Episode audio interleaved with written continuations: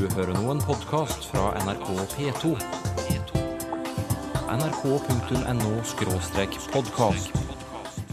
Kom igjen, mann. Og da måtte jeg snu, og så gikk jeg tilbake.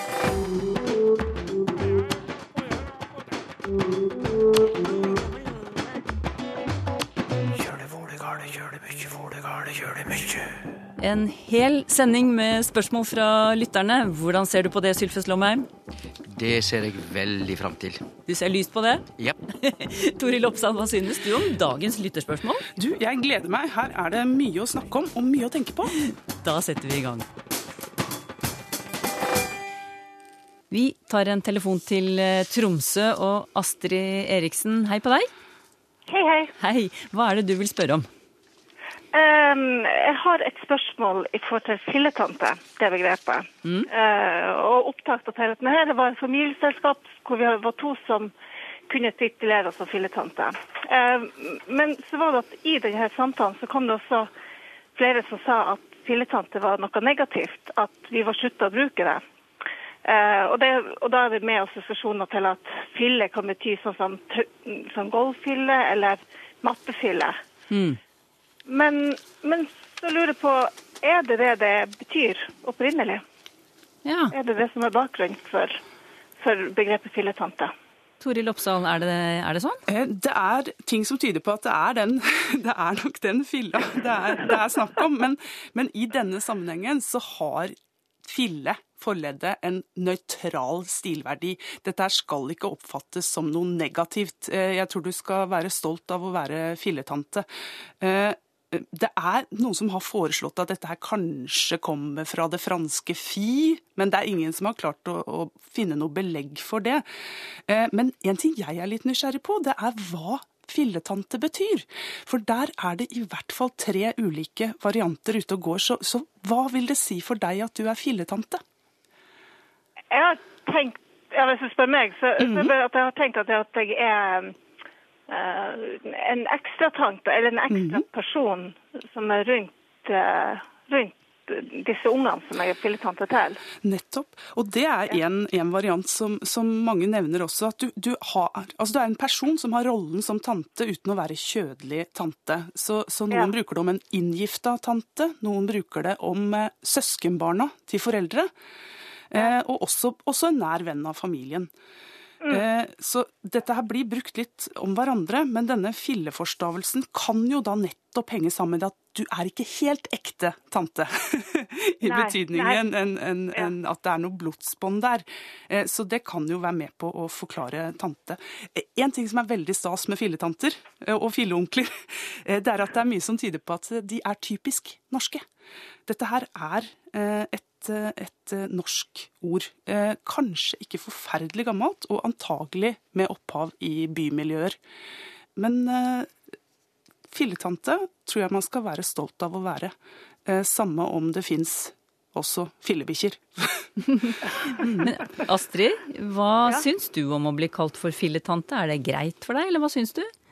Eh, jeg syns det er fint at det blir presisert her at, at dette er noe kan være stolt av. At det ikke nødvendig altså, men, men samtidig um, ja, altså, Jeg hører jo i andre diskusjoner, f.eks. i forhold til stebarn, at det er bedre å se bonusbarn istedenfor stebarn. Og, og um, det kan jo hende at det er også et, et ord som kanskje vil endre seg, at man kanskje finner nye titler. Det kan også være. Ja. Og nå har, eh, det kan jeg for så vidt også nevne, at ordet har, eh, har eksistert en god stund. Altså jeg fant det i en fransk-norsk ordbok helt tilbake til 1903. Så, Så, så det har eksistert en stund. Mm. Det har det. Sylfes Lomheim, du som er eh, franskmannen, holdt jeg på å si, blant oss er franskkjenneren. Har, har det noe med fransk eh, språk å gjøre? Filletante? Nei, det tror jeg ikke, Ja. og det var vel Toril òg inne på. Ja. Og jeg må òg si til eh, deg at som Toril sa, jeg syns det er flott å bli omtalt som eh, filletante. Det Alle de som jeg har hørt har sagt og uttalt det ordet, de har jeg sett på, de sier det med et skin i ansiktet. De er glad og stolte over å være det. For det betyr at du er ikke den egentlige tanta, men du er noe i, i tillegg. Så det er flott. Og så er det noe veldig sant, som Toril var inne på, at dette er nok mer urbant. Eh, I min oppvekst i jordbruksmiljø i Indre Sogn, så hørte jeg ikke dette ordet. Mm, Så det er mer urbant enn eh, landlig i bruk. Astrid Eriksen, har du fått svar på det du lurte på, syns du? Ja, det har vi jo gjort. Ja, jeg er fornøyd. Ja, kjempefint. Da ønsker jeg deg en god dag videre i Tromsø. Takk skal du ha. Asbjørn Finnholt har lest et avisintervju med den nye Coop-sjefen om eh, avtalen som Petter Northug eh, gjorde med Skiforbundet før jul. Og avisen refererer følgende uttalelse. Nå er vi alle glade for at han klarte å lande en avtale. Er dette riktig, spør Asbjørn Finnholt. Jeg trodde lande var et verb som ikke kan ha objekt, altså et intransitivt verb. Et fly lander, en skihopper eh, lander, men å lande en avtale høres merkelig ut. Syns du det høres merkelig ut, Sylfe Slåmheim? Nei, men Asbjørn Finnholt har helt rett. Eh, verbet å lande er intransitivt i mange sammenhenger. Flylander osv. Det er bare det at dette verbet er både intransitivt, altså ikke objekt, i enkelte situasjoner, og det tek objekt i andre situasjoner. Altså å lande en avtale er helt kurant og korrekt norsk. Eh, Når eh, kongen og kronprinsen er ute og fisker laks, så snakker de òg om at de lander en laks. Så eh, dette er Begge deler er helt greit. Lander du avtaler, eh, Toril Oppdal? Du, Av og til gjør jeg det, men, eh, men det, jeg mottok en e-post nettopp der det var en setning som jeg nesten må få lov å sitere, fordi det var knytta til dette verbet. Forslag fra arbeidsgruppen om aktiviteter knyttet til meldingen landes på dette møtet. Oi! Ja, det må jeg si. Den var litt spesiell, ja. Men, men sånn som jeg tolker dere begge to, så mener dere at å lande avtaler og laks og osv., det er Den helt er, jo, den er jo Det blir en fin metafor av dette, for at du fører jo noe i havn. Du kommer inn på trygg grunn med denne fangsten etter fiske. Og, og det, å, å få til det, det, det kan nok også gjelde en avtale. Og begge bøyingsmåtene er jo omtalte i alle ordbøker, både bokmål og norsk. Ja. Hva er forskjellen på svar og tilsvar, vil Jan Olav Refhaug vite. Sylfest? Det korte svaret er at eh, svar og tilsvar tyder det samme. Det dreier seg om et svar, men hvis vi undersøker i språkbruken, så vil ordet tilsvar bli brukt i mer formelle sammenhenger. For eksempel i avisdebatt så har den som blir angrepen i en debatt, altså utfordra, han har tilsvarsrett. Ikke sant? Eh, Det er det vi hører. Men det betyr jo bare at han har rett til å svare på noe som er sett fram. Og eh, også i eh, administrativ og juridisk sammenheng så snakker det om tilsvar. Så det har en litt mer formell status enn svar. Men meninga er jo den samme. Cecilie lurer på hvor uttrykket 'å være overlegen' kommer fra, og hvilken sammenheng det har med tittelen 'overlege på sykehus', hvis det er en sammenheng der, da, Toril Oppsal? Eh, å være overlegen, det betyr faktisk akkurat det det høres ut som det gjør. Det, det, det betyr rett og slett å ligge øverst. Dette her er lånt inn fra nedertysk, og er helt konkret det å ligge oppå motstanderen i en brytekamp. Det kan du se for deg. Og når du er i en sånn posisjon, så ligger du veldig godt an til å vinne, eller også mer overført, å få gjennomslag, og du er samtidig gjerne klar over det. Så overlegen på en sykehusavdeling har ingenting med dette å gjøre. Men overlegen kan være både overlegen, overlegen og overlegen. Den kan både ha en yrkestittel som overlege, det kan være en personlig egenskap å være overlegen, og det kan også være et uttrykk for grad av dyktighet og suverenitet. Dette er en overlegen overlege, som dessuten er litt overlegen. Men sammenhengen mellom legen og egenskapene, den er i utgangspunktet ikke der. Vi fyller hele Språkteigen med lytterspørsmål i dag. Med meg har jeg språkviterne Toril Oppsal og Sylfest Lomheim. Og nå lurer jeg på om dere har et svar til Pål Erdal, som spør om det er slik at vi som har blitt litt opp i årene, eh, om vi hører mer av det vi tror er språklige endringer fordi vi ikke liker dem. Og å være kritisk til språklige endringer, er det noe som hører alderen til? Hva sier du, Sylfest? Ja, han har helt rett. Det å være kritisk til språkendringer hører absolutt alderen til, og slik har det alltid vært. Like siden mennesker har snakka språk, så er det de yngre som står for fornying og endring, og det er det som forklarer at språk har endra seg, og at vi har fått flere språk. Og det har også ført til at i alle dager har de eldre påpeika overfor de yngre at nei, men det er ikke slik, men slik. Så um, dette er et universelt fenomen. Hvorfor har vi eh, godt voksne en slik rolle, da? Nei, men vi har jo Det er jo skilnad på språket til de yngre og til de eldre. Mm. Og, og, det er jo, vi mennesker er jo slik at endringer liker vi ikke. Vi liker ikke endringer som dreier seg om vårt eget. Og det betyr at eldre reagerer på yngre som da snakker litt annerledes. Er du enig i dette, Toril Opsahl? Ja, dette her har Sylfest helt rett i. At man føler nok at det er noe som rokker ved ens eget verdensbilde. Men en ting jeg syns er veldig spennende, det er at en del godt voksne bruker de samme språklige fenomenene som de reagerer på. Eh, noen av disse trekkene er knytta til uformelle sammenhenger, og der dukker de opp, selv om de blir slått ned på i andre sammenhenger. Har du noen eksempler? Eh, det er eh, noen gamle travere som liksom Sånn liksom er sånn som ungdommene sier, liksom. Men, men du hører det også hos voksne. Vi skal til eh, Trondheim nå. Der bor Kristian eh, Fossheim. God dag. God dag, ja. Hei, du. Um, du skriver til Språkteigen at du skulle ønske at ordet begravelse gikk ut av bruk. Hvorfor det? Ja. Eh, det er eh, vil si, to feil med det.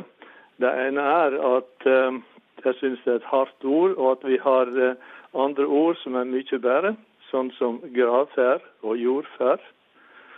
Det andre er at det knytter seg til skikker som vi ikke har lenger, som går hundre og flere hundre år tilbake, kanskje, der familien sjøl førte avdøde til grava og gravla den. Og eh, det er ikke det som foregår. Faktum er at det skjer ingen begravelse i bokstavelig forstand i de ritualene vi har i våre dager. Mm. Du sier at du syns det er et brutalt uh, ord. Hva, hva, mener du med det? Ja, uh, for så vidt som jeg knytter begravelse til uh, jeg hadde sagt snøskred og jordskred, og en person blir, blir begraven eh, ved et ulykkestilfelle. Eh, da passer det jo at han ble begraven. Men uh, ikke i et slikt eh, kjenslevart område som døden og dødens ritualer er. Så syns jeg det går an å bruke finere ord. Og eh, når en tenker på ordet gravferd, eller jordferd, så sier det at dette er eh, det er ikke bare den handlinga å legge kista i grava og grave over, men det er en, det er en prosess der er lange ritualer knytta til det. Mm. I ferd. Ja. Vi skal høre med Sylfest eh, Lomheim. Eh, Sylfest, er du enig i synspunktet her fra Kristian Fossheim? At oh, ja. ordet, ordet, begravelse skal vi bare slutte å bruke? Eh, ja, i og for seg. Jeg forstår Kristian Fossheim veldig, veldig godt. og dette siste du nevnte med jordferd og gravferd, det er klart at det er høgtid over det, fordi at eh, det er jo reisa til grava, og det er reisa, ferda, til jorda som ligger i uttrykket, og det er jo både veldig sant og veldig høgtidelig. Det som er problemet, som du Kristian Fossheim har sagt tydelig med begravelse, er jo at det betyr jo å begrave, altså å grave ned. Og det blir liksom ikke det samme. Men vi kan ikke forby ordet. Det er klart at eh, jeg tenkte på det da du snakka. Både de som skriver nynorsk og de som skriver bokmål, alle vil jo bruke begravelse i, i, talemålet, men jeg ville aldri ha brukt det i skrift. Og jeg kom spesielt godt på da du snakka, Kristian, da kong Olav døde, jeg mener det var 1991 så eh, hva ord brukte Aftenposten på si første side? Sjølvsagt det gode nynorskordet gravferd. Så det er ikke tvil om at gravferd har en annen status, og derfor veldig fint. Mm. Jeg vil si det at jeg har sett på praksis i avisene i Oslo, Trondheim og i Førde. Og det er veldig interessant at det er så stor forskjell. Naturligvis det har praktiske årsaker, delvis. I Oslo, eh, i Aftenposten, så er det jo naturligvis bisettelse som går igjen i, i dødsannonsene, eh, men av og til begravelse. I Trondheim, i Adresseavisen, så er begravelse eh, nesten enerådende. Så kommer vi til Førde og, og til Firda, og der skriver de følgende alle som ønsker å følge, og så kommer fornavnet til avdøde. Alle som ønsker å følge f.eks. Ola til siste hvilestad, er hjertelig velkomne i kyrkja, den og den kyrkje, det og det tidspunkt. Veldig fin formulering, og den er, er totalt dominerende i, i Firda i, i Førde, og veldig fin. Så den, eh, slik du ser det, så rommer det da noe mer enn en selve begravelsen? Da rommer det seremonien og det som foregår i forkant? Nettopp. Toril Oppsal, jeg vet ikke om du har behov for å kommentere dette ytterligere? Jeg kan jo si at jeg tror du, Christian, at du har gitt folken litt å tenke på. Fordi veldig mange, og jeg legger særlig merke til en del unge mennesker, de bruker begravelse også om bisettelse. Eh, Det er begravelse som er ordet, og det har et Altså Det dekker et større begrep enn bare det konkrete. Eh, Det dekker også det seremonielle for veldig mange.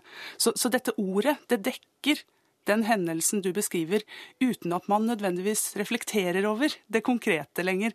Men, men etter dette så tror jeg nok noen vil gjøre det. Er du fornøyd med det, Christian Fossheim? Jeg er veldig fornøyd med de kommentarene. Takk for det. Takk for at du skrev til Språkteigen. Ja, det var hyggelig. Ja, ha det godt, da. Ha det. Så et eh, spørsmål til deg, Sylfest, fra Turid Hakvåg. Hun forteller at noen ganger har hun sett uttrykket 'uten sidestykke' blitt brukt i betydningen 'veldig bra'.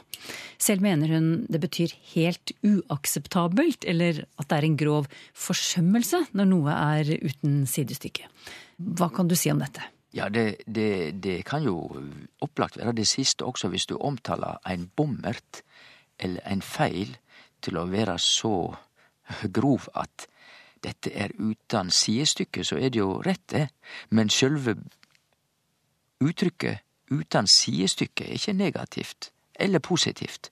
Det er rett og slett et uttrykk som sier at da er noko jamgodt, med noko anna. Det er altså et stykke som du kan sette ved sida av et annet stykke, slik at det passer i hop.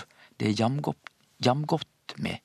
Så eh, derfor kan dette brukes både om positive ting og negative ting. Så når noe er uten sidestykke, så finnes det ikke maken, da? Nei, da er det ikke maken, og da er det altså veldig bra. Morgenstund har gull i munn, heter det jo.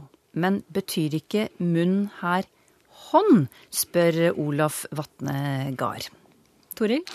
Eh, morgenstund har gull i munn. Eh, jeg er jo en selverklært, altså jeg er et selverklært eh, B-menneske, så jeg liker best denne varianten med morgenstund er tull i grunn. Eh, men morgenstund har gull i munn er det mange som har reflektert rundt. Det er mange historier, men jeg skal ta tak i dette spørsmålet fra lytteren om hånd. Fordi vi har et hunnkjønnsord mund i norrønt som betyr hånd, og noen bruker kanskje fortsatt munnlaug om et vaskevannsfat som man vasker hendene i. Så det er en tilgjengelig tolkning av munn, definitivt. Og da vil jo dette ordtaket kunne bety noe sånn som at du får gull i hånd. Du får altså godt betalt for å stå opp og sette i gang i morgentimene. Eh, men denne håndbetydningen, den er ikke så utbredt, i hvert fall ikke i våre dager. Men vi har et annet ord, et annet munn. Eh, et intetkjønnsord, ett munn, som eh, er levende i flere dialekter. Og her nærmer vi oss kanskje sakens kjerne, for her betyr munn tid eller stund. Så her blir det snakk om noe som, som at dette her er den rette stunden, eller beste tida, til å utføre noen oppgaver. Dette om morgenen. Eh, Men uttrykket blir brukt med flere betydninger. Det eksisterer også en eh, historie om at dette her er en gammel misforståelse av ordet aurora. Vet du hva aurora betyr, Ann? Ja, er det ikke morgenrøden? Ja, nemlig. Det husker jeg fra, fra Anne-Kat. Vestli Ja, sin Aurora, historie. morgenrødens gudinne. Ja. At dette handler om aurum in året, altså gull i munn på latin som en misforståelse av Aurora. Så der, der har vi også én variant. Det er mange såkalte folkeetymologiske forklaringer her, der folk har prøvd å forklare hva dette uttrykket betyr. Men det har nok skjedd en eller annen form for omtolkning eller oversettelse der munn har blitt munn som den vi har midt i ansiktet, som vi bruker til å drikke vann med og snakke med. Eh, noen har også vært innom en annen tolkning. Det er en Grundtvig-salme som heter 'Morgenstund har gull i munn', der munn i dette tilfellet er det å prise og synge og prise Gud.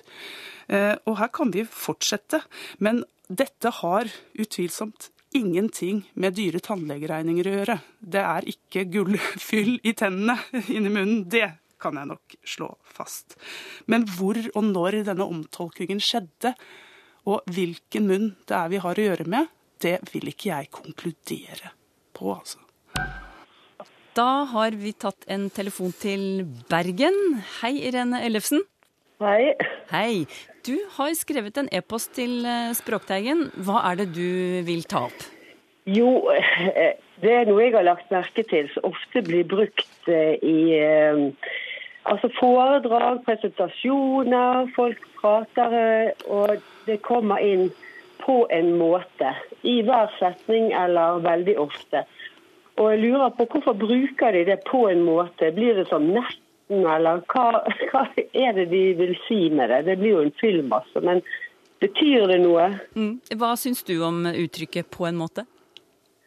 Jeg syns det er litt irriterende hvis det kommer veldig ofte, for det sier jo i grunnen ingenting.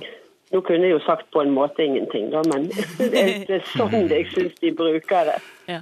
Du, La oss høre med språkforsker Toril eh, Oppsal. På en måte, Toril? Du, På en måte så er dette et uttrykk som fascinerer meg. Eh, dette er den type uttrykk jeg begynner å, å lytte etter, fordi jeg er helt sikker på at det må, jo, det må jo bety noe. Det må ha en funksjon, dette her. Og i en del tilfeller så har det det. Det betyr noe. Eh, og som Irene er inne på her, så betyr det til en viss grad, eller i en betydning som eh, handler om å uttrykke forbehold. Så det på en måte gjør, det er å gjøre det mulig for deg å manøvrere med ulike hensyn. Både til deg, hvordan du fremstår, hvordan den du snakker med, reagerer på det du sier. De som hører på dette foredraget, de har en mulighet til å ha en annen og en motsatt oppfatning. Eh, og ikke minst så gjør det det mulig for deg å uttrykke forbehold overfor et saksforhold. Hvis du ikke er helt sikker, hvis du nettopp vil uttrykke at det fins andre alternative tolkninger. Eh, dette er jo kanskje først og fremst forbundet med det muntlige. Eh, Irene, du nevner foredrag. Men det fins også skriftlig. Og dette her er brukt av ganske mange fremstående forfattere og fagfolk helt tilbake til forrige århundreskifte. Hvis ikke jeg husker helt feil, så er det noe Bjørnson bruker, Knut Knutsen bruker det. Så dette er et levedyktig uttrykk. Men jeg er enig med deg, Irene, at det kan gå inflasjon i det. At det rett og slett kan brukes for mye, og da sklir over til fyllord og hva var det du kalte det? Fyllmasse, var det ikke det, Irene? Ja, det var, det var, det var godt ja. sagt. Men, men, men det har eh, har en funksjon. Og det kan mm. brukes til å manøvrere og fungere som det vi gjerne kaller for en demper. Mm. Sylfes Lomheim eh, har på en måte en funksjon i ditt eh, univers? Nei, jeg må si det at eh, hvis en person har behov for stadig vekk å vise at han er usikker om å ta atterhald, så er ikke den personen interessant å høre på.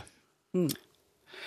Det er vel også knytta til litt ulike situasjoner, det der. For i noen tilfeller så er det nødvendig å vise forbehold. For det handler om respekt for den du snakker med og det du snakker om, men ikke i alle. Og i noen situasjoner vil det jo være nesten litt absurd å legge til et 'på en måte'. Jeg erklærer dere nå på en måte for rette ektefolk å være på en måte. Og er man da gift? Det, det gjenstår som et spørsmål. Irene Ellefsen, hva syns du om de svarene du har fått så langt? Er det noe, er det noe å hente der? Ja, det syns jeg virkelig. Og jeg er egentlig enig med eh, det som jeg har hørt fra begge to. da. Og skjønner at det kan være ålreit å bruke dette, men mange ganger så gjør det litt sånn som Sylfest sier, at det er akkurat som de tar distanse fra det de sier. At det er, det er nesten sånn Hvis du spør folk etterpå hva de sa, eller det sa du jo, men da nei, de sa ikke det. De forbeholdt seg litt at det var ikke gjerne helt sånn, men bare nesten. Takk skal du ha for eh, spørsmålet ditt, Irene Ellefsen. Og tusen takk for svaret. Og så er det et spennende program dere har. Veldig masse fint å høre der. Det blir kveld, og så blir det morgenkveld, og så blir det enda en kveld, hvis ikke jeg blir klein. Hva er opprinnelsen til eh, uttrykket 'å få rev i seilene', spør eh, Isak Samuel Hetta. Har du et svar på det, Toril Oppsal? Eh, Jeg har et svar, eh, og dette her, rev, er et gammelt norrønt ord. Eh, Det handler rett og slett om et felt av seilet som du kan binde opp. Eh, Det betyr at du kan redusere seilføringa. Du gjør rett og slett seilflaten mindre. Eh, Det, det å ta rev i seilene da betyr, det er at man går forsiktig fram. Man modererer seg. Men lytteren her brukte verbet få, så vidt jeg kunne høre. Og det er fascinerende, fordi flere og flere bruker dette faktisk med stikk motsatt betydning. Eh, Jeg er ikke klar over hvorfor de gjør det, eh, men i utgangspunktet så er dette her å minske seilføringa. Jeg kan jo forestille meg at det å få noe i seilene, at det gjør at en tenker seg at en får vind i seilene. Da får det jo en litt annen betydning. Eh, Men det å ta rev i seilene er utgangspunktet. Det er rett og slett å binde opp en strimmel eller et felt av seilet. Så dette har ingenting med Mikkel Rev oppi masta å gjøre, i hvert fall. Men, men å få, hvis noen sier 'å få rev i seilene' og, og har en, legger en ny betydning i det, hva, hva, hva betyr det da? Da blir det nok en sammenblanding som eh, betyr det stikk motsatte. Ikke å gå mer forsiktig fram, men å suse av gårde. Ikke å moderere seg, men å gå kraftfullt fram. Hva kommer uttrykket 'mutters alene' av, spør Eli Nerås Wihovde.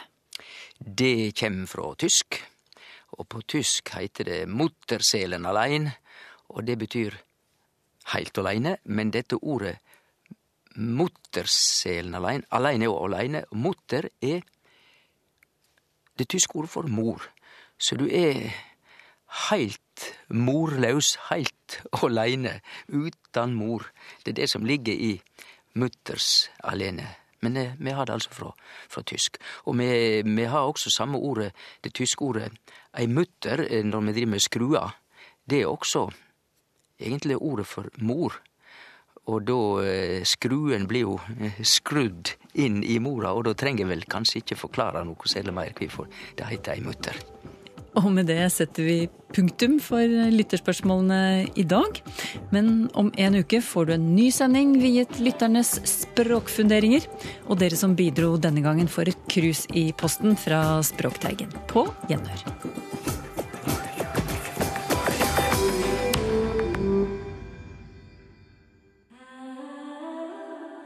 nrk.no podkast.